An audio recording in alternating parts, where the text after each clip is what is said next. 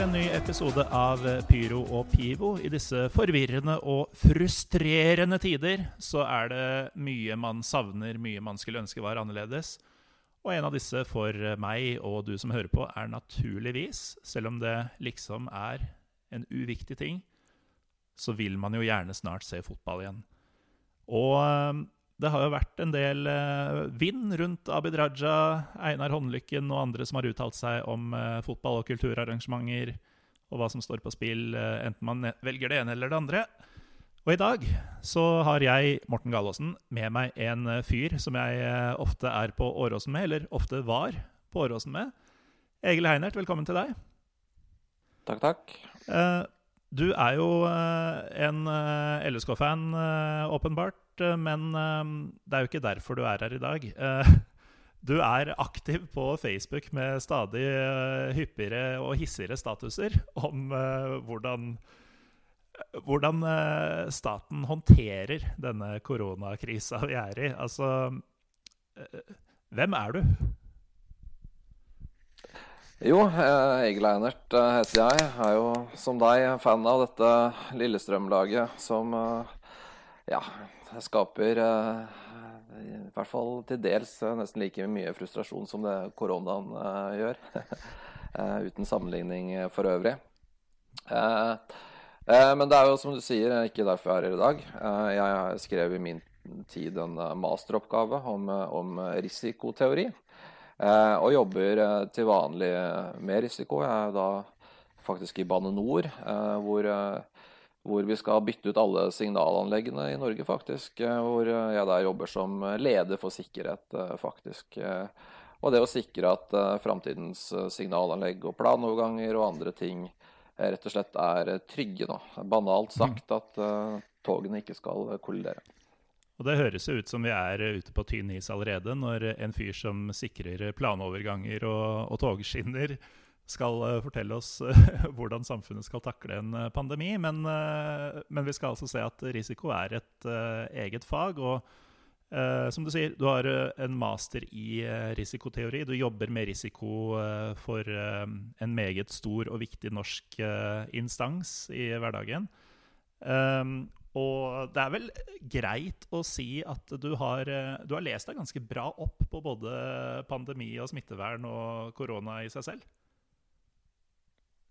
Eh, ja, altså jeg tror det denne pandemien og debatten om pandemien i hvert fall ikke mangler, er jo ulike eksperter. Eh, fordi det er jo, det er jo ganske eh, mange som har uttalt seg om, om både det ene og andre. Jeg kan jo si noe hva jeg kan. at Hvis du kaster meg inn på et operasjonsbord på sykehus, så, så vil ikke jeg kunne hjelpe en pasient spesielt mye. Det jeg kan, er, er rett og slett beregne hvor stor risiko eh, for ulike ting er. Eh, Jeg kan si noe om eh, hvordan, eh, hva som påvirker eh, hvordan mennesker oppfatter risiko. Eh, Og jeg kan si hvordan eh, mennesker handler ut ifra det som man kan si er opplevd risiko. Da. Eh, I dette tilfellet er da hvordan vil mennesker han- handle over tid med, med denne pandemien, og, og ting som hvor stor er egentlig risikoen for å bli smitta. Det er eh, på en måte det som er eh, mitt fagfelt. Eh, eh, Jeg skal ikke som sagt eh, påstå at jeg kan eh, kurere noe korona, men jeg kan si noe om hvordan mennesker handler. Og um, altså for å sette, sette premissene litt her, da, så sa du før vi gikk på lufta nå at uh, du uh, hadde selv kalkulert deg fram til denne, dette R-tallet uh, på 07 uh, et par uker før det ble offentliggjort. Eh, ja, altså jeg jobber jo med måte til risikoanalyse til vanlig, Uh, og det er veldig mye var mye tilgjengelig statistikk eh, fra Folkehelseinstituttet. Folkehelseinstituttet er jo en ganske transparent organisasjon som gir veld, ut veldig mye informasjon. Og da, da kunne man også lese da risikoanalysen og beregningene som Folkehelseinstituttet hadde gjort. Eh, og basert på den, og basert på utviklingen da i smittetall eh, videre, så var det egentlig ikke så veldig vanskelig eh, å, å regne seg fram til hva R egentlig var. Og det på en måte kan man gjøre med på en måte, Hvis du har sånn grunnleggende teori og gjøre noen antakelser, så, så er det fullt ut mulig. For dette er jo på mange måter et eget, eget fag. da. Men altså, faget risiko, hvis man kan si det, hva er risiko? Ja, jeg, Det er jo det jeg pleier å spørre folk om når jeg skal drive sånn forskning. Eh, og det er jo mange som kan stille seg spørsmål om det. Eh, men, men, det vi gjerne, gjerne, sier sånn grovt sett, da, er gjerne noe sånt som at sannsynligheten for at noe negativt skal skje. Altså du, du, du, gjør, en, du gjør, noe, eh, og så eh, hva galt kan skje. Eh, et eksempel kan f.eks. være lottotrekningen. Eh, du, hvor sannsynligheten for å tape penger er, er eh, relativt stor. Men så legger man gjerne ofte til at det kan være noen positive elementer med den risikoen du tar. I case lottotrekninga så kan du f.eks. vinne penger. Mhm. Så da har du et lite positivt element ved, ved, ved risikoen. da. Så det er liksom den matematiske tilnærmingen til risiko. Eh, men så er det sånn at eh, folk Dette er en sånn veldig sånn matematisk tilnærming eh, som, som i anførselstegn ekspertene bruker. Men hvis du spør mannen i gata hva risiko er, så vil, vil, man veldig fort tenke på noe med høy risiko, noe som er farlig. Havne i en bilulykke mm. eller atomkraftverk eller, eller, eller, noe der, da. Men, men på en måte sånn, sånn, For denne diskusjonen så tror jeg man på en måte kan, kan snakke om at uh, sannsynligheten for at noe negativt uh, kan se, skje, og at man har da det, det, det positive elementet da, i, i, i bak, uh, bakhodet. I det eksempelet du brukte med Lotto, så er det jo stor sannsynlighet for det negative, men med kanskje, med mindre man har et problem, ganske liten konsekvens dersom det negative inntreffer, mens sjansen for at det positive inntreffer, er veldig liten, men oppturen enorm. Um, hvordan, uh, hvordan, ser du det i, i, spørsmålet om å Nå hopper vi litt fram her, men uh, altså, å tillate fotballspill igjen. Uh, hva, hvor stor er den positive gevinsten, tenker du, og hvor ja, hvor stor er eh, en eventuell eh, negativ effekt? Eh, jeg tror at det man har gjort altså å si på en måte, Man kan jo måle i, i, i, Ta det positive, positive først. da. Det å sette en, måte, en prislapp på det er jo nesten umulig. Fordi å tillate fotball Vi kan snakke om tillate fotball på, på toppnivå. Det har jo en prislapp. Men så er det jo, er det jo veldig mange breddeklubber mm. som i dag har, eh, har forbud mot uh, fotball. Eh, fotballen vil jo gå foran for annen idrett. Eh, det er jo det Norges idrettsforbund uh, forsøker å gjøre. Eh, så det å sette en måte en eh, og, og, det måte, det ene er økonomiske aspektet, det andre er jo folkehelseaspektet. nå har jo ikke engang barn og unge noe, noe fritidstilbud, så jeg, så en måte, jeg skal være litt forsiktig med å og sette på en måte en eksakt eh, en, en, en sosial og en økonomisk prislapp på det. Eh, men den er sannsynligvis ganske stor. Når det gjelder de negative effektene, så, så, vil man jo aldri være helt sikker på det, men man har jo noen erfaringstall på det. Da det var 15 000 døde i Italia, så var det kun én under 20 år som hadde dødd. Eh, I Norge så er det vel rundt 200 som har dødd, og det er ingen under 50. Eh, det betyr ikke at det ikke er en alvorlig sykdom. Eh, det er alvorlig med covid, men for de aller, aller fleste så er ikke det veldig alvorlige. Det veldig alvorlige er jo at den er veldig smittsom. Så det er veldig veldig mange som, som får sykdommen. Men, men uh, igjen med Norge som eksempel, så er det slik at uh, de aller fleste som dør av det, er på sykehjem, og de er uh, over 80 år. sånn at med tanke på de tallene, erfaringstallene vi har i Norge, og for så vidt også i verden, så er det veldig lav risiko til at fotball får I hvert fall først på elitenivå, men for barn er det neglisjerbart. Ja, så Det var en uh, artikkel i den danske avisa Berlingske på nettet uh, her om dagen, uh, hvor en undersøkelse ved Århus universitet og deres institutt for folkesundhed idrett, som viser at hver fotballspiller i gjennomsnitt vil tilbringe i løpet av én kamp ett og et halvt minutt nær, altså det vi har omtalt som nærkontakt, en eh, covid-19-smitta motspiller eller medspiller. Eh, og da snakker vi altså eh, i, i, lys av denne sikkerhetstanken vi har, da, mindre enn to meter i 15 minutter sammenhengende, som er regna som nærkontakt. Der, altså Ut fra den undersøkelsen så er det jo en del klare stemmer i Danmark på at det å spille fotball er, om ikke risikofritt, så, så er det svært få smittevernsmessige grunner til å ikke tillate det. Hva tenker du om det? Eh, nei, og Det er som den danske undersøkelsen sier, og egentlig som, som, man regner på mange måter i Norge òg. Når man snakker om nærkontakt med mennesker, så snakker man om dette eh, mindre enn to meter, 15 minutter. Eh, så i praksis så tror jeg på en måte, hvis du går inn og leser også de norske, norske retningslinjene og, og, prøver å koble det opp mot fotball, så vil man jo i praksis eh, se at eh, dette er neglisjerbart. Eh, hvis du da i tillegg legger til eh, alderen på spillerne og nå, nå, nok, nå snakker jeg om de som faktisk spiller, og så kan man diskutere det å ta med seg smitte videre på en måte som en, som en annen sak. For de som spiller, er det, er det, er det ufarlig. Uh, og det, det, tror jeg på en måte står, uh, står, relativt støtt. Grunnen til at man ikke tillater fotball, er jo, uh, i hvert fall på elitenivå, er jo mer fra, etter min mening, en, mer en signaleffekt enn en smitteverneffekt. og Det kommer vi sikkert tilbake til etterpå, men, men for Norges del, en stor forskjell mellom måte, eh, Norge og Sverige kanskje, er jo at, er jo at um, i Sverige så er det jo fagfolka som i all hovedsak styrer, mens i Norge så er det jo, er jo planen og, og for hvordan vi skal håndtere eh, covid-19 er jo i all hovedsak Eh, altså, I hvert fall beslutningen er overtatt av politikerne.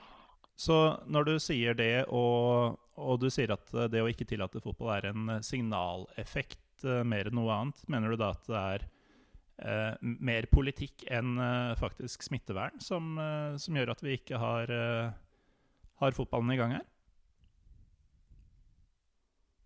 Jeg tror Når det gjelder på elitenivå, så, så, klarer jeg ikke, med tanke på de ressursene som er i norsk toppfotball, Eh, eh, hva de er villige til å stille opp med penger, kontroller, diverse, diverse, eh, så er det primært signaleffekten som er det gjeldende. Og det blir jo som, som kulturminister Abid Raja snakket om at fotballfolk liker, liker, jo formasjoner, og da måtte man ha denne hva det der, fem, fem personer og to meter og ikke sant 5-2-1 var det, altså. Fem personer, to meter ute og én meter inne. Eh, og, og, det er jo fordi at man har den fem, meter, fem personer, tometersgrensa, som nå er redusert til én, ett menneske ute.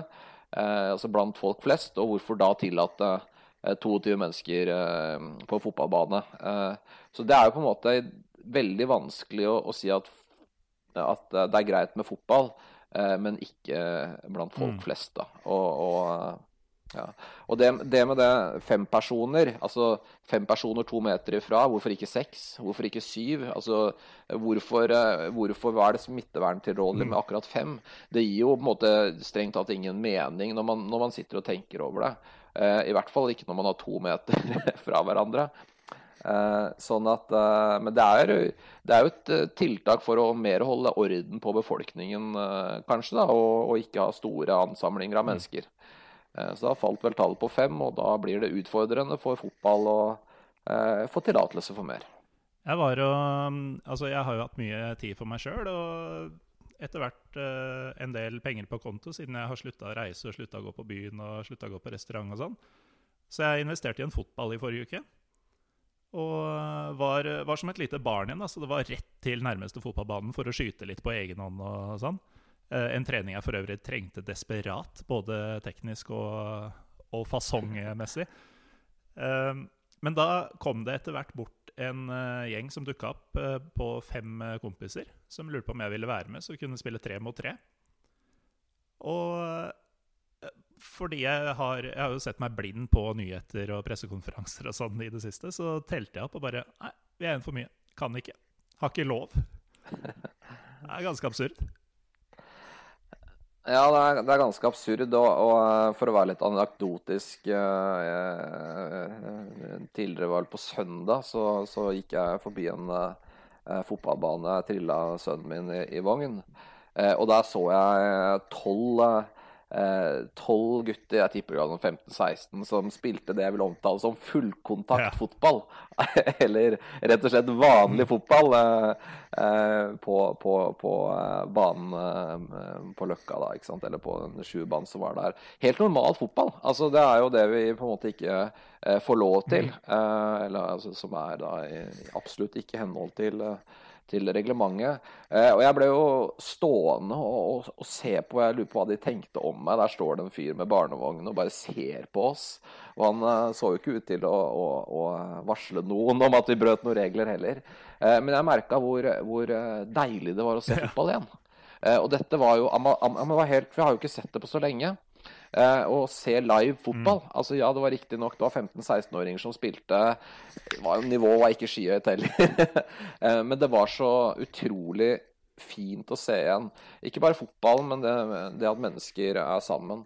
Eh, og det, det, er jo på en måte dette noe eh, Det at de, å, de, åpenbart brøyt reglene, dette var ganske sentralt i Oslo, eh, og var ikke redde for å, å bli sett. Mm. Eh, så fotballen er tilbake. Eh, fotballen er tilbake på løkker, eh, som du på en måte opplevde. ikke sant? Spille tre mot tre. Eh, det er ikke et spørsmål om fotballen er tilbake, for fotballen er tilbake. Bare at den organiserte fotballen er ikke tilbake. Mm.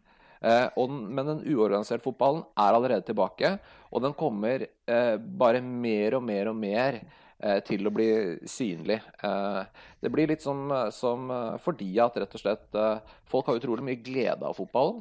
Eh, og de vurderer nok eh, risikoen for å bli smitta som veldig liten. Mm. og det, det, stemmer nok. Ja, så eh, En liten takk til eh, vår eh, lytter Atle Johan Hamre, som gjorde meg oppmerksom på, eh, på denne i dag. Men Folkehelseinstituttets Line Wold hun var ute og prata litt. Arne Johan Hamre heter han.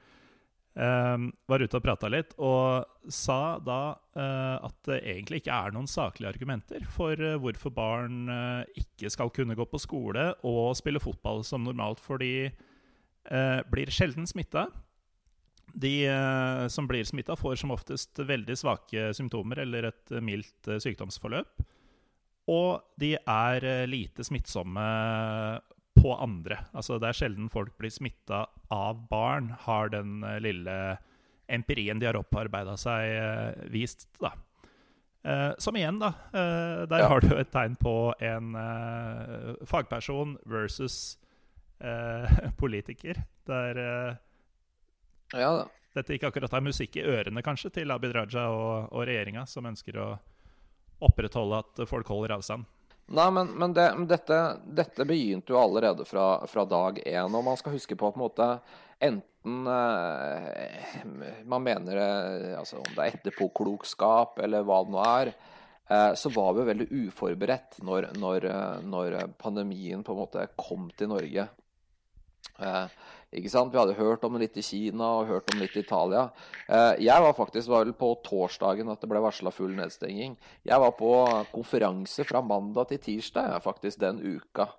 På konferansehotellet overnatta og var i baren og hele pakka. Så det var måte, for å beskrive litt om hvor overraskende den kom. Eh, og så stengte det ned i Danmark. Og så stengte de i Oslo. Eh, og da ble på en måte Og det var politiske beslutninger. Eh, og hvis du leser anbefalingene fra Folkehelseinstituttet f.eks., eh, så anbefalte de aldri å stenge barnehager og skoler. Det ble aldri eh, anbefalt, det. De mente det var fullt ut forsvarlig å ha de oppe. Og det er jo en slags ironi når vi nå liksom lager smittevernsplaner, når Folkehelseinstituttet lager smittevernsplaner for barnehager og skoler. Eh, for at det liksom skal være trygt på steder de i utgangspunktet eh, mente, mente aldri burde vært stengt. Eh, og, og, det er klart at Men du ser jo også en dreining av det. Vi som jobber med risiko, snakker mye om sånn risikokommunikasjon. ikke sant? Og man snakker jo om Raymond Johansen i Oslo snakker om episenteret. Oslo er episenter. Eh, og hun, hun Nå har jeg glemt hva hun heter, hun som var på, på Debatten.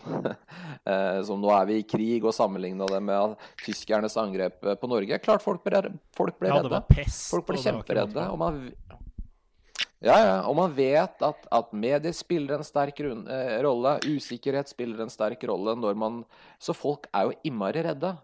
Eh, og når man da åpna barnehagene neste uke, som man sa var helt, eh, helt forsvarlig, så var det f.eks. I, i, i bydel Stovner rundt 25% som, som var tilbake i barnehagen. Resten ble holdt hjemme. Sannsynligvis fordi foreldrene mm. er redd for å sende barna sine i barnehagen. Eh, så man har på en måte havna Jeg tror man har skjønt nå at, at, man, at man, nok eh, eh, dro det litt langt. At det var en grunn til at Folkehelseinstituttet ikke anbefalte at man skulle stenge barnehager og skoler. Eh, og så kan du si at som jeg har jo ment dette eh, en god stund, eh, men jeg tror nok Og jeg merker det rundt også at folk på en måte kommer litt etter. Eh, det er ikke noe gøy å, å være i barnehagen når du må bevege deg innenfor din sone, sonen din og bare være sammen med to barn. og Det er, mm. det er ganske Det varierer fra barnehage til barnehage, men det er ganske hardcore, altså. Jeg jobber jo på skole ja. selv, og det er jo Jeg skal ikke si for mye, men det er, det er jo en annerledes uh, hverdag for tiden, etter at vi også så smått åpna for, uh, for, våre yngste. Uh, det, det, er jo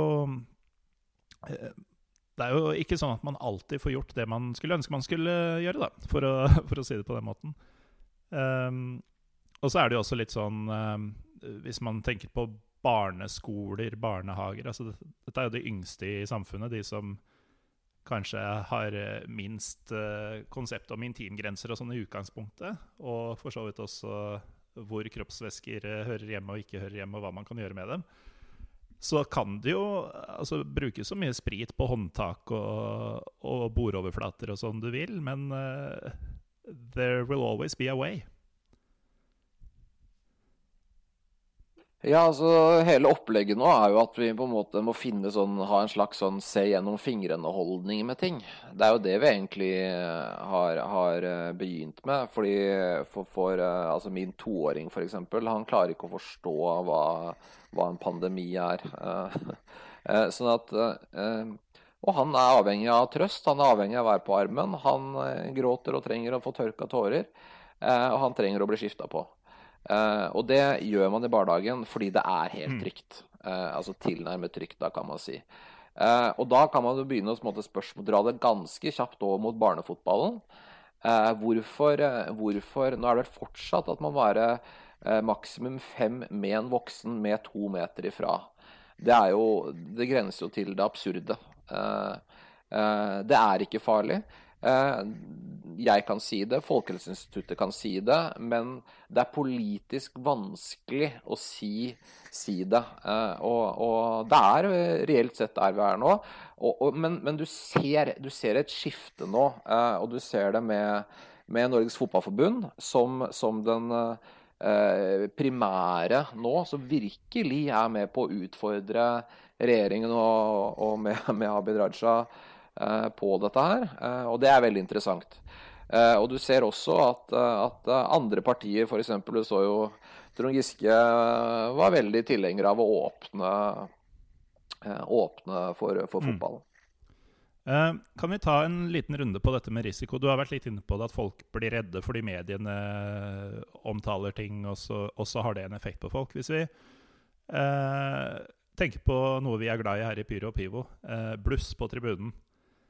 Kan ikke du, som den fagmannen innenfor risikoteori du er, la oss si at det er en situasjon hvor I en middels stor kamp i Norge ja. så fyres det av en god del bluss på stadion. Og reaksjonene i mediene er jo ganske forutsigbare der. Kan ikke du liksom ta prosessen fra disse blussene går av, til det blir rapportert i mediene, til folk reagerer på hele dette forløpet? Jo, det er, det er, veldig, det er et godt eksempel det med, med bluss. Da. Det handler om hvordan folk oppfatter risiko. Hva er denne sannsynligheten?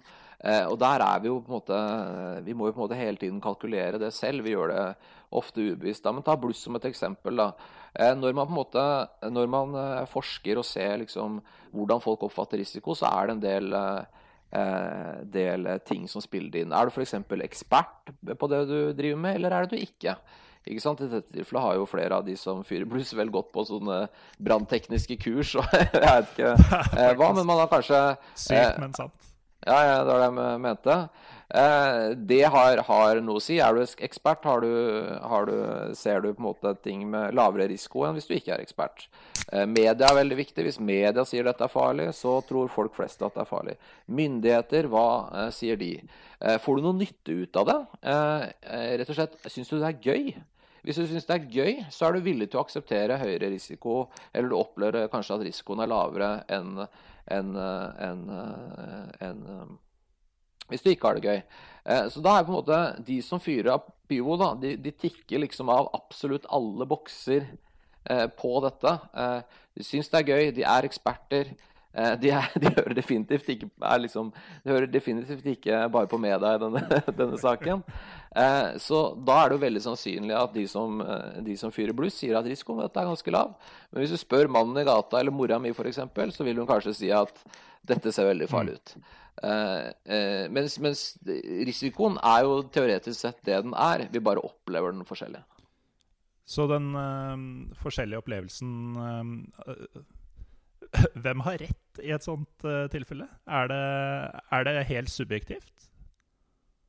Det er jo Svar på det er ja og nei, egentlig. hvis jeg hadde spurt deg for, for fire måneder siden Eh, hvor redd er du for at en eh, pandemi kan komme til Norge? Eh, hva ville du svart? ikke sant? Og du ville på en måte ikke hatt, hatt det samme forholdet.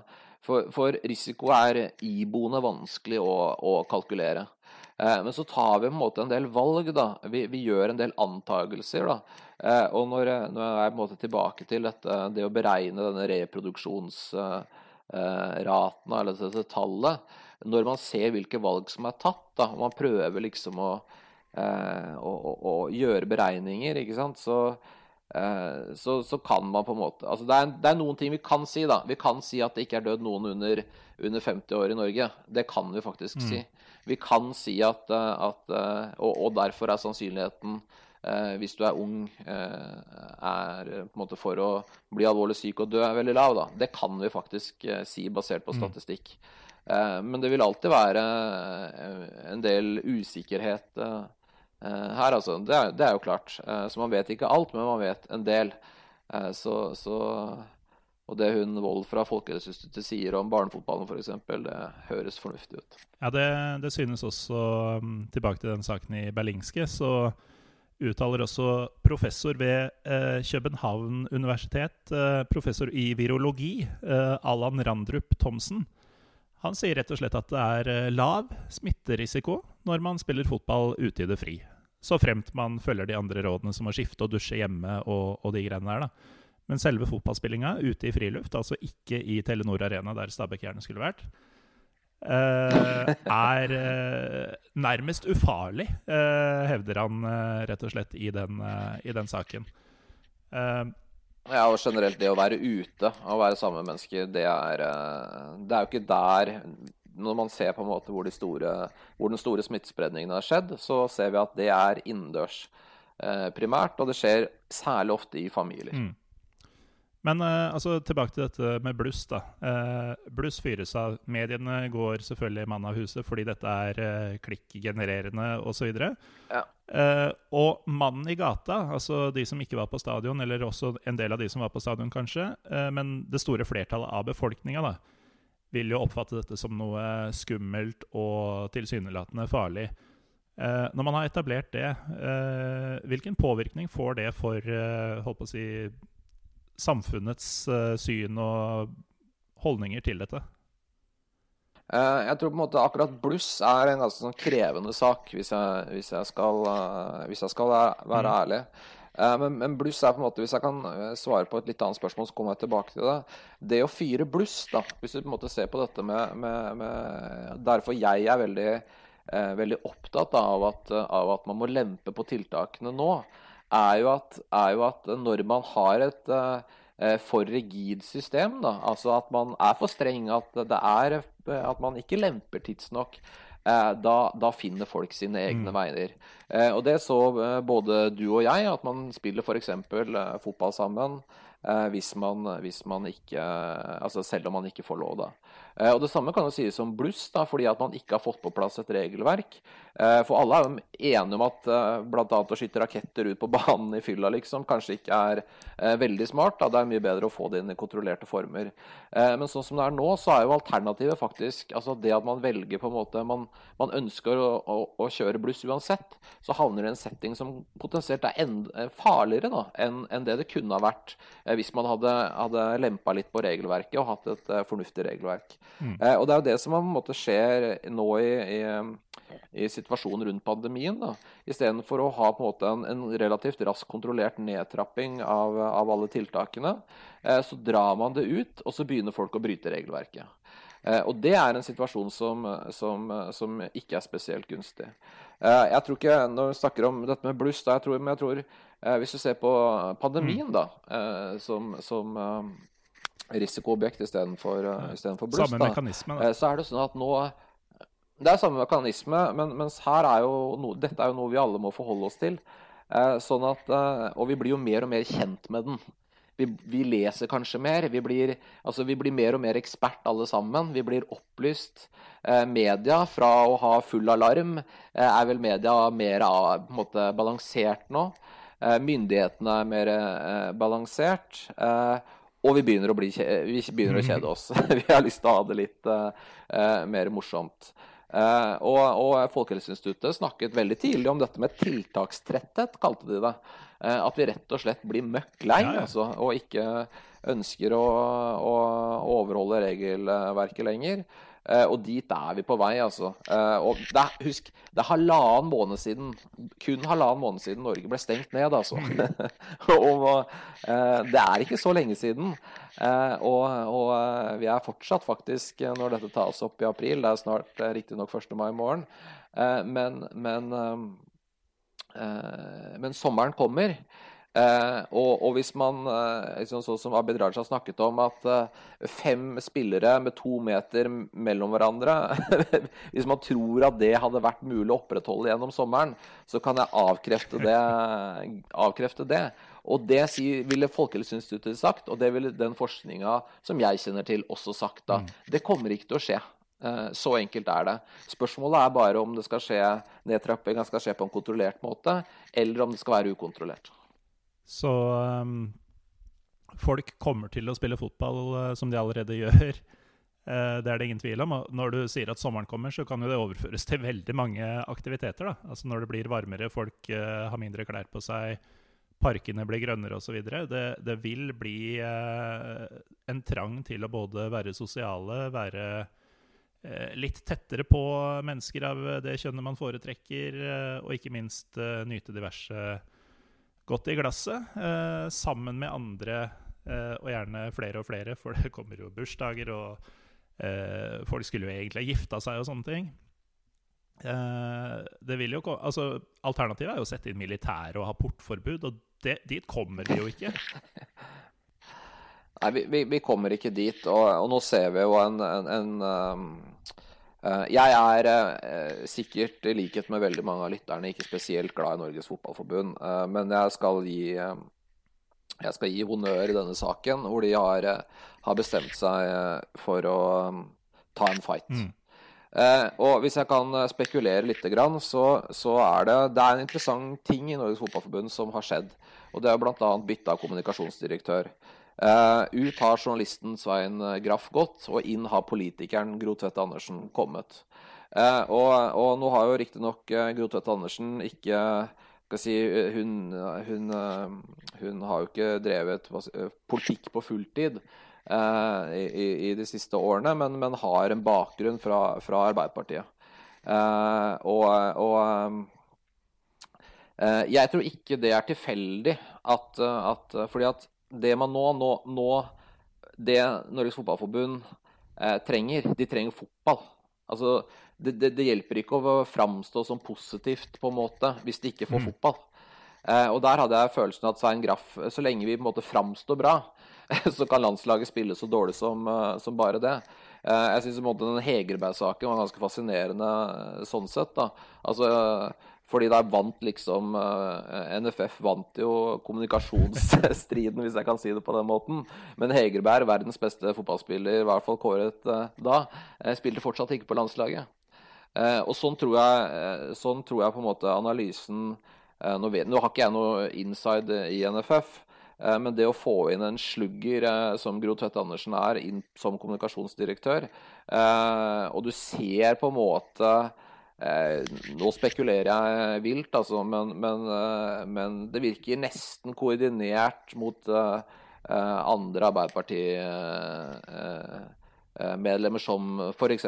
Trond Giske og Anette Trettebergstuen, som også er veldig tilhengere av å få fotball på mm. banen. Og det skaper et samla press både fra idretten Eh, og, og, fra politiske miljøer til å få eh, fotballen i gang igjen. Da. Eh, og det, har, det tror jeg har overrumpla Abid Raja fullstendig. for han har jo det skal, jo, det skal, han jo ha. Han har jo på en måte klart å samle Fotball-Norge. det, er jo, det er jo ingen som Det er jo ikke noe er så bra som en For alle skjønner at det, det holder ikke med, med, med med gode ord, altså. Eh, man må ha, ha, fotballen i gang igjen, ellers så kommer jo konkursene. Vår uh, felles venn uh, Trym Hogner han uh, la ut en avstemning på Twitter her om dagen. hvor han spurte hva, hvem er fotballens største fiende.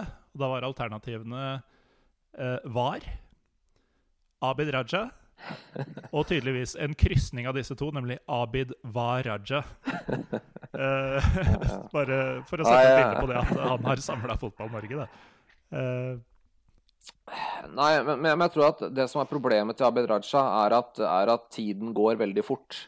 Og, og, vi er ikke for, for fire uker siden, eh, eller fem uker siden. Altså, poenget var jo at når, alle, når alt ble stengt ned, så, så scora jo eh, Erna Solberg innom veldig høyt på meningsmålinger og veldig bra, og alle var veldig mm. fornøyde. Men så går tiden. Eh, og uten sammenligning for øvrig altså Jeg husker jo når George eh, W. Bush eh, gikk inn i Irak, så hadde han vel en sånn 94% approval i USA. vel, det, det, holdt seg ikke, da, hvis jeg kan si det på den måten. Og han var jo særdeles upopulær etter hvert. sånn at Eh, tiden går, eh, går, veldig fort, og i dette tilfellet hvor på en måte eh, det, jo, det, er jo selvfølgelig eh, utrolig leit når folk dør. Eh, men, men eh, man har jo ikke fått den enorme katastrofen, da, hvis jeg kan på en måte, med fare for å framstå som kynisk. så kritikken kommer fort. Altså, vi er jo ikke noen Og det er så veldig mange andre eh, ofre i denne saken her. Fordi at når man snakker om eh, sårbare grupper ikke sant, og vi må beskytte sårbare grupper, så er, det på, så er det jo veldig mange grupper her. Man har vel utsatt en sånn eh, titalls tusen med mammografier. Det er, eh, det er, underrapportering av vold mot barn. Det er veldig mange da, som, som ikke får det tilbudet de skal ha pga. at skal Eller pga. at man rigget sykehusene opp mot, mot koronaen. Eh, sånn at det er på en måte lettere å kritisere. da. Og jeg tror at Abid Raja undervurderte veldig den kraften som nå var på gang. Mm. da. At nå er folk fed up. da. Og det kom veldig fort. Jo, men altså, det var jo litt sånn, eh, Da, da ting ble stengt ned, så var det jo et mantra om at uh, våre besteforeldre de gikk i krigen for oss. Uh, alt de ber om nå, er at vi holder oss hjemme i en liten stund. Uh, og, og, det skulle være så enkelt, da. jeg kjente jo på det allerede på dag fire, men Men, men, ikke sant? det er jo et uh, enkelt offer sånn til sammenligning. Men uh, jeg, jeg, tror alle de som nærmest jubla over det vi nå skal gjøre Jeg tror de nesten trodde at det bare skulle vare i de to ukene som det, som det først uh, varte. At da ville stormen passere, og så kunne man gå tilbake til normalen før våren kom på ordentlig. når folk nå innser at dette er kommet for å bli i større eller mindre grad i overskuelig framtid, så Altså, man, man blir jo møkk lei og, og, man blir fort lei. Ja. Og man begynner å Og nå er det jo sikkert delvis pga. disse tiltakene at vi ikke har hatt den enorme katastrofen. Men eh, ja. det man ser, er jo at eh, Det som mange ser, da, eller som mange sikkert tolker det som, er dette er jo ikke så farlig, så jeg kan jo kanskje prikk, prikk, prikk. Ja. Eh, og, det, og, det, er liksom på en måte eh, det, som, det som, er med Når på en måte det kom til Norge, da, så hadde vi egentlig veldig god kontroll over situasjonen veldig tidlig. Eh, fordi at eh, vi visste at eh, hvis du hadde vært, vært på Kitzloch bar i Ischgl i, i, i, Østerrike, så, så, var det kanskje greit å få deg testa. Eh, sånn at man på en måte visste hvem man skulle pelle ut av å bare gå gjennom passasjerlistene til Norwegian. Det, så var du, mm. var du godt på vei. Eh, og det gjorde at man faktisk fikk kontroll veldig tidlig. Eh, sånn at, eh, sånn at man var ganske heldig, men man valgte da å, å fortsette løpet ut. Men, men, men, men hva er veien videre, da? Og, og, problemet er jo at det, man tenkte Altså, ja, vi må slå ned. Og det kan jeg på en måte tenke Ja, det høres jo fint ut at ingen skal bli syke, og fred på jord osv. osv. Men hvis jeg får lese høyt da fra siste rapport til, til Eh, Folkehelseinstituttet, så står det følgende Befolkningen må forberedes på at epidemien vil vare lenge, at mange fortsatt eh, vil bli syke, eh, men at bare noen få vil bli alvorlig syke, osv. osv. Mm. På lang sikt er, er, det immunitet i befolkningen, naturlig eller etter vaksinasjon, som gjør at epidemien ikke lenger er et folkehelseproblem. Et svært effektivt legemiddel kan også endre bildet fullstendig. Poenget er at det er per nå så er det to muligheter. Det er enten det er vaksine, eller så er det immunitet. Og da stiller jeg spørsmålet eh, hvilket samfunn skal vi da ha da, til det er eh, i orden? Og jeg tror alle kan måte være enige om at vi ikke skal overbelaste sykehusene. Det, det, la, la det, altså, Italia, vi ønsker ikke at det skal bli sånn som Italia, da. Men hvor skal vi på en måte sette grensene? Eh, fordi at eh, det handler om, eh, det handler om eh, Eh, altså, En ting er liksom det økonomiske. altså, og Nå ser du jo på en måte regjeringen begynner å ikke er fullt så gira på å kaste milliarder etter det eh, ene og det andre. For det er fryktelig dyrt, dyrt da, å stenge og, og plutselig få 10, 10 arbeidsledighet eh, over natta. Eh, men det er også alle de sosiale aspektene. da, At folk ikke får, eh, får dratt på skole, eh, f.eks. Eller studert, eller, eller, eller andre mm. ting. da. sånn at Eh, og vi har jo ingen plan. Eh, og det tror jeg etter hvert går opp for flere at eh, nettopp det Folkehelseinstituttet sier, er at pandemien er her. vi blir ikke kvitt den i løpet av 14 dager. Da må vi eventuelt stenge ned hele Norge. og ikke ta inn, ikke fly noen steder osv. Og, så og da Det spørs om folk er, er villige til, da. Uh, og det de også sier, er jo at vi må ha en god dialog med befolkningen. Uh, og vel, uh, jeg er usikker på om, om, vi har en god dialog akkurat nå. Altså. Det, jeg tror i hvert fall fotballen og kanskje ikke enige om at Abid Raja har en god dialog, i hvert fall. Men altså, når du sier at dette med utsatte grupper er et hva skal vi si, videre begrep enn det, det man kanskje tenker, da. For det er jo ikke bare i medisinsk forstand, og du er litt inne på det med dette med arbeidsledigheten, men du har jo Jeg, jeg vil jo i høyeste grad si at eh, sånn som ting er nå, så er jo utsatte grupper er jo um, folk som i utgangspunktet var lavtlønte og i tillegg ikke får utøvd ja. jobben sin. Eh, kan godt ha ok lønn også og, og, ikke få utøvd jobben sin, men altså alle disse som er permitterte. da. Og så har du jo alle, alle som driver små bedrifter, altså alle pubeiere, restauranteiere, kaféeiere osv. som ikke har hatt muligheten til å opprettholde noe som ligner eh, ordinær drift. Altså, bare tenk på det antallet mm, serveringssteder og lignende, altså små butikker, som, som ja. går under i disse dager eh, på grunn av dette. Er det verdt prisen? Det er uh, Altså, vi, vi, vi hadde en, en én sårbar gruppe, og så ble det erstattet med mange andre sårbare grupper. Eh, og så må vi huske på at dette med, altså, eh, dette med um, hvor utrolig dette liksom, antall døde Det er på en måte etter min mening da en, en ganske eh, si, Jeg syns ikke det er vel en godt tall på å beskrive hvordan, eh, hvordan eh, ståa egentlig er i Norge. For det handler egentlig eh, sånn Dødstall i Norge handler i stor grad om om, eh, om eh, i hvilken grad vi klarer å beskytte sykehjemmene. Eh, et eksempel jeg lurer på om det er ett sykehjem i Bergen som står for 7% av alle dødsfall relatert til korona i Norge. Tenk på det. Ett sykehjem. Er vel 15 døde. 7 mm. Så på en måte det, det, er en sånn jo, vi, vi, må beskytte svake grupper, men det på en måte Vi må finne gode tiltak på det. Men, men Eh, samtidig så, så, skal vi på en måte Vi snakker mye om dette med velferdssamfunnet vårt. ikke sant? Eh, og for, få, for, at eh, man skal ha gode sykehjem, så, så, krever det at det er økonomiske muskler der. Da. Og, og da er vi avhengig av at folk mm. jobber. Enkelt og greit. Men Egil, før vi, før vi, runder av her, det har vært en hva skal jeg si, befriende samtale. Litt sånn i hytt og pine, men i motsetning til hun dommedagsprofeten på NRK, så, så, tenker jeg at nå trenger folk å høre noe av denne typen. At det ikke er så farlig og så håpløst som, som man kanskje har gått rundt og tenkt. Um, men altså, du er jo, du er jo risikomannen her. Og ja. hvis man tenker på dette med å, å gjenåpne fotballen igjen så kan man jo si, eh, for så vidt med rette, da, selv om man nå har argumentert uh, siste, de siste tre kvartera for noe annet, men jeg skjønner jo til en viss grad at man kanskje må vurdere det å um, utsette spillerne, som på ingen måte har det i kontrakta si at de skal uh, utsettes for potensiell livsfare ved å utføre jobben sin Altså utsette fotballspillerne for, eh, for eh, mulig smitte.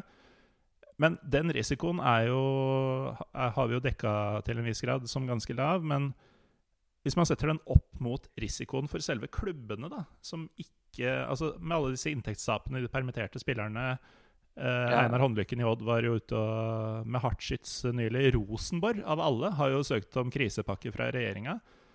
Eh, det er jo ikke få eh, mennesker som blir berørt, altså verken ansatte eller eh, folk i nærmiljøene, Nei. om det skulle føre til at uh, enkelte store klubber går dukken? Nei, nei, det er det ikke. Men jeg, jeg tenker sånn rent prinsipielt så har du gitt en gruppe mennesker yrkesforbud. Eh, og så kan du si at, at, det er fotballspillere. Ja, men det er nå en gang jobben deres. Og de har nå yrkesforbud. Rett og slett. Mm. Verken mer eller mindre. På lik linje med det frisører hadde. Eh, og, og, fordi at alle forstår at det å ha yrkesforbud eh, ikke er en god ting, eh, så fant man en løsning på det når det gjelder frisører. Eh, og på samme måte, og, og, det er jo liksom eh, Jeg må jo le av de tiltakene som er hos frisører. Mm -hmm. kanskje, du kommer neppe til å oppleve det med det første oh. selv, men, men Eh, men, men, eh, men, poenget mitt da, er at man har gitt en gruppe mennesker eh, yrkesforbud. Og det tenker jeg at, eh, at om ikke annet, så må man gjøre det man kan da, for å, for å hindre, hindre, det. Eh, og så er det jo konsekvensen av å gi den gruppen mennesker yrkesforbud, er jo selvfølgelig veldig store eh, ellers også, hvor, hvor det er mye permitteringer. Så hva, hva, tenker du? Altså, når får vi fotballen tilbake, og hva må til for at vi skal få fotballen tilbake? Jeg tror uh, Nå er det varsla at de skal si noe neste uke. Uh, jeg tror at uh, man kommer til å si at fotballen kan komme tilbake. Jeg er positiv. og vi må huske på altså, Nå har jeg snakket om måte, at det er ganske liten risiko i, i Norge osv. Det betyr ikke at jeg mener at, eh, at eh, f.eks. i England, Italia eller Spania at det er liten risiko der. For der har man hatt en voldsom mm. overbelastning av sykehussystemet. Men i Norge så er vi på en måte Uh, uh, sånn stilt at, at uh, dette burde være egentlig relativt uh, uproblematisk. Uh, og sannsynligvis, uh, når da 15.6 kommer, så tipper jeg vi nærmest kommer til å, å flire av at jeg i hele tatt hadde den diskusjonen. Så jeg tror at fotballen kommer tilbake. jeg tror også at, at vi kommer sikkert til å få en eller annen tøyseregel om at, om at også fotballen kommer tilbake. Fordi finner de på et tall opptil ti år eller noe sånt, jeg tipper den kommer relativt snart også. Som kan være en sånn La oss si, Hvis jeg skal leke politiker her litt, da, så la oss si de nærmest kombinerer de to. da, At de åpner litt for mm. begge to. jeg sier ikke at det skjer, da, men jeg tror at de kommer til å åpne. Jeg tror at, og jeg tror at vi relativt snart kommer til å, å, å, nærme oss en sånn noenlunde normal i det norske samfunnet. Mm. Og grunnen til det er, er for at samfunnet måte, Vi har lært oss å leve i et samfunn som vi, som er, vi er tålelig fornøyd med det, og det er det vi ønsker. Men vi samtidig kommer vi også til å være bevisste på at er vi syke, så, så holder vi oss hjemme. For det er det liksom man ikke helt tenker på er at, er at når måte koronaen kom, så dro jo folk eh, rett, rett, fra afterski i Østerrike rett ut på byen i Norge. Det er kanskje ikke så mm. smart. Mm. når det gjelder tilskuere, eh, så tenker jeg at det kommer nok til å ta tid. Morten, du og jeg har stått i, i, i køen på Åråsen ganske mange ganger. Eh, bare å organisere den køen. Jeg, jeg prøvde å regne meg fram til hvor lang den køen skulle være med to meter. altså, eh, eh, jeg kom fram til at godt forbi Lillestrøm stasjon kom den køen til å starte for de som er lokalkjente på Lillestrøm. Det er en 20 minutters Det kommer nok til å ta tid. I, i ganske passe tempo. ja. Ja, og, og, vi blir jo klappa alltid hyggelig på av sikkerhetsvaktene og sånn, og det er jo ikke helt riktig disse koronatider. Det blir gode forhold for bluss, da, om ikke annet. Eh, men, men, eh, men, det kommer nok til å ta tid med, med, med tilskuere. Og selv jeg, ja, ikke sant, alle de som har vært på bortetur med, med, med en supportergjeng, da, skjønner at er det ett sted jeg tenker at smitte kunne spre seg, så er det på en uh, sånn buss, da. Uh, sånn at uh, selv jeg skjønner jo at det kanskje ikke er, er mm. helt ideelt. Eh, men, men eh, kanskje tilskuere i en begrensa grad eh, til høsten. Jeg ser ikke bort ifra det. Såpass, så jeg er positiv. Ja, jeg, jeg, jeg Altså på en måte, Du må huske på at hvis du klarer å finne gode løsninger La oss si du finner en løsning sånn at det kun er sesongkortinnehavere, f.eks. Så at du vet måte makstak. Du klarer å, å, å, lage en sånn uh, Altså, du, du, kan jo ikke stå i mm. fansen. altså Du kutter ut ståplasser eh, og lager et, et kart da, hvor du, hvor du, alltid har ett sete mellom. Du skal huske på at flyet er i gang, altså. fly, fly med, med, med Eh, fire personer på hver rad er i gang. Eh, så er mulighetene der. Definitivt så mener jeg mulighetene er der. For oss er publikum allerede, allerede i år, altså. Jeg sier ikke at det skjer, men jeg sier her at logisk sett så er det ingenting som tilsier at uh, at uh, med ett sete imellom, eller til og med to seter imellom, som man kan ha det mange kan man steder, ha steder. Uh, så er det Det kan man ha de fleste steder. Så er det jo ikke noe i veien hvis man får ordna kø, købiten og kutter kiosken, liksom. Så, det, så går dette helt fint å ha, ha tilskuere på, på, på, kamper. Altså, det er ingen Jeg klarer ikke å se noe sånn fundamentalt i veien på det.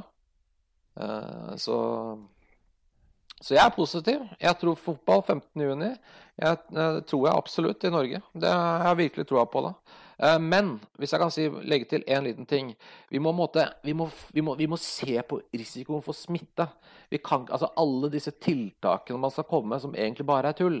For det vi gjør da, er jo at i det øyeblikket en blir smitta, så er det, da er det jo dødt mm. igjen. ikke sant? Eh, vi må kunne klare å planlegge selv om noen blir smitta, for det kommer til ja, det å skje. Eh, det, det, kommer til å skje. Og da er spørsmålet hvordan håndterer vi det? Eh, og, og, det er der man burde ha planen. Hvis planen er at ingen skal bli smitta, da, da, er jeg bekymra. Eh, hvis man klarer å planlegge for hvis noen blir smitta, hva vi gjør der, og at det kommer til å skje, for det kommer til å skje, da er jeg positiv. For én ting er åpning av 15.6, en annen ting er jo Og det så vi på en måte i når, i avslutninga av Premier League. ikke sant? Altså, Du så jo De planla for full C-runde, og så ble den ene syk og den mm. andre syk, og så, så, så gikk det til slutt ikke. Eh, så vi må, må, på en måte Dette er en pandemi. Eh, eh, folk vil bli syke. Eliteseriespillere vil bli syke, men vi må bare klare å leve med det og, og arrangere fotball for det. Så to ting helt til slutt, Egil. nummer én hva er du mest lei av? Um, disse sosiale restriksjonene eller det å ikke kunne se fotball? Altså, nå begynte barnehage i, i forrige uke. Så da, da er svaret, tror jeg faktisk nå, jeg har, Hvis det hadde vært hva som helst, eh, så sagt. Jeg sto og så stå sikkert en halvtime og stå på 15-åringer spille fotball. Mediokre 15-åringer. Du vet den ja, gjengen liksom. Så gi meg, I beste fall. Gi meg, gi meg, gi meg fotball nå, altså. Spørsmål nummer to, og det vi avslutter med. Har du eller har du ikke et tidspunkt i livet sett meg score fra midtbanen? På liten bane, riktignok. Jeg tror jeg ikke har gjort Jeg tror ikke hei, jeg hei, har gjort hei, det. hei, hei. Har du glemt Kanaricupen i 2008, eller når det var, eller? Ah, det var Kanaricupen. Altså, det, er- det bringer tilbake ja. minner. Jeg vant, vi vant en kasse med Kanariostepop. Nydelig. Men, Så jeg spiste, jeg spiste Vi hadde men uh, du har jo altså omtalt uh, dette som turneringas desidert fineste mål på Kanarifansens forum eh, Ja. den gangen, så ikk- ja. Ja, det burde gå og se hva loddet Ja. sier. vet eh, Men uansett, Egil, eh, takk for at du var med og delte av din eh, litt hva skal si, alternative informasjon. I hvert fall sånn mediebildet ser ut i disse dager. Takk skal du ha for at jeg fikk komme. Og så er det jo litt som vår gode venn Trym Hogner sa om det var i harde mottak, tror jeg, denne LSK-podkasten som selv ikke LSK-fans burde høre på, for det er negative greier. Eh, at vi, vi sa jo da, da ting skjedde eh, i desember i fjor, at eh, nå var det dommedag. Lite ante vi at det faktisk skulle bli dommedag etter at LSK rykka ned fra Eliteserien.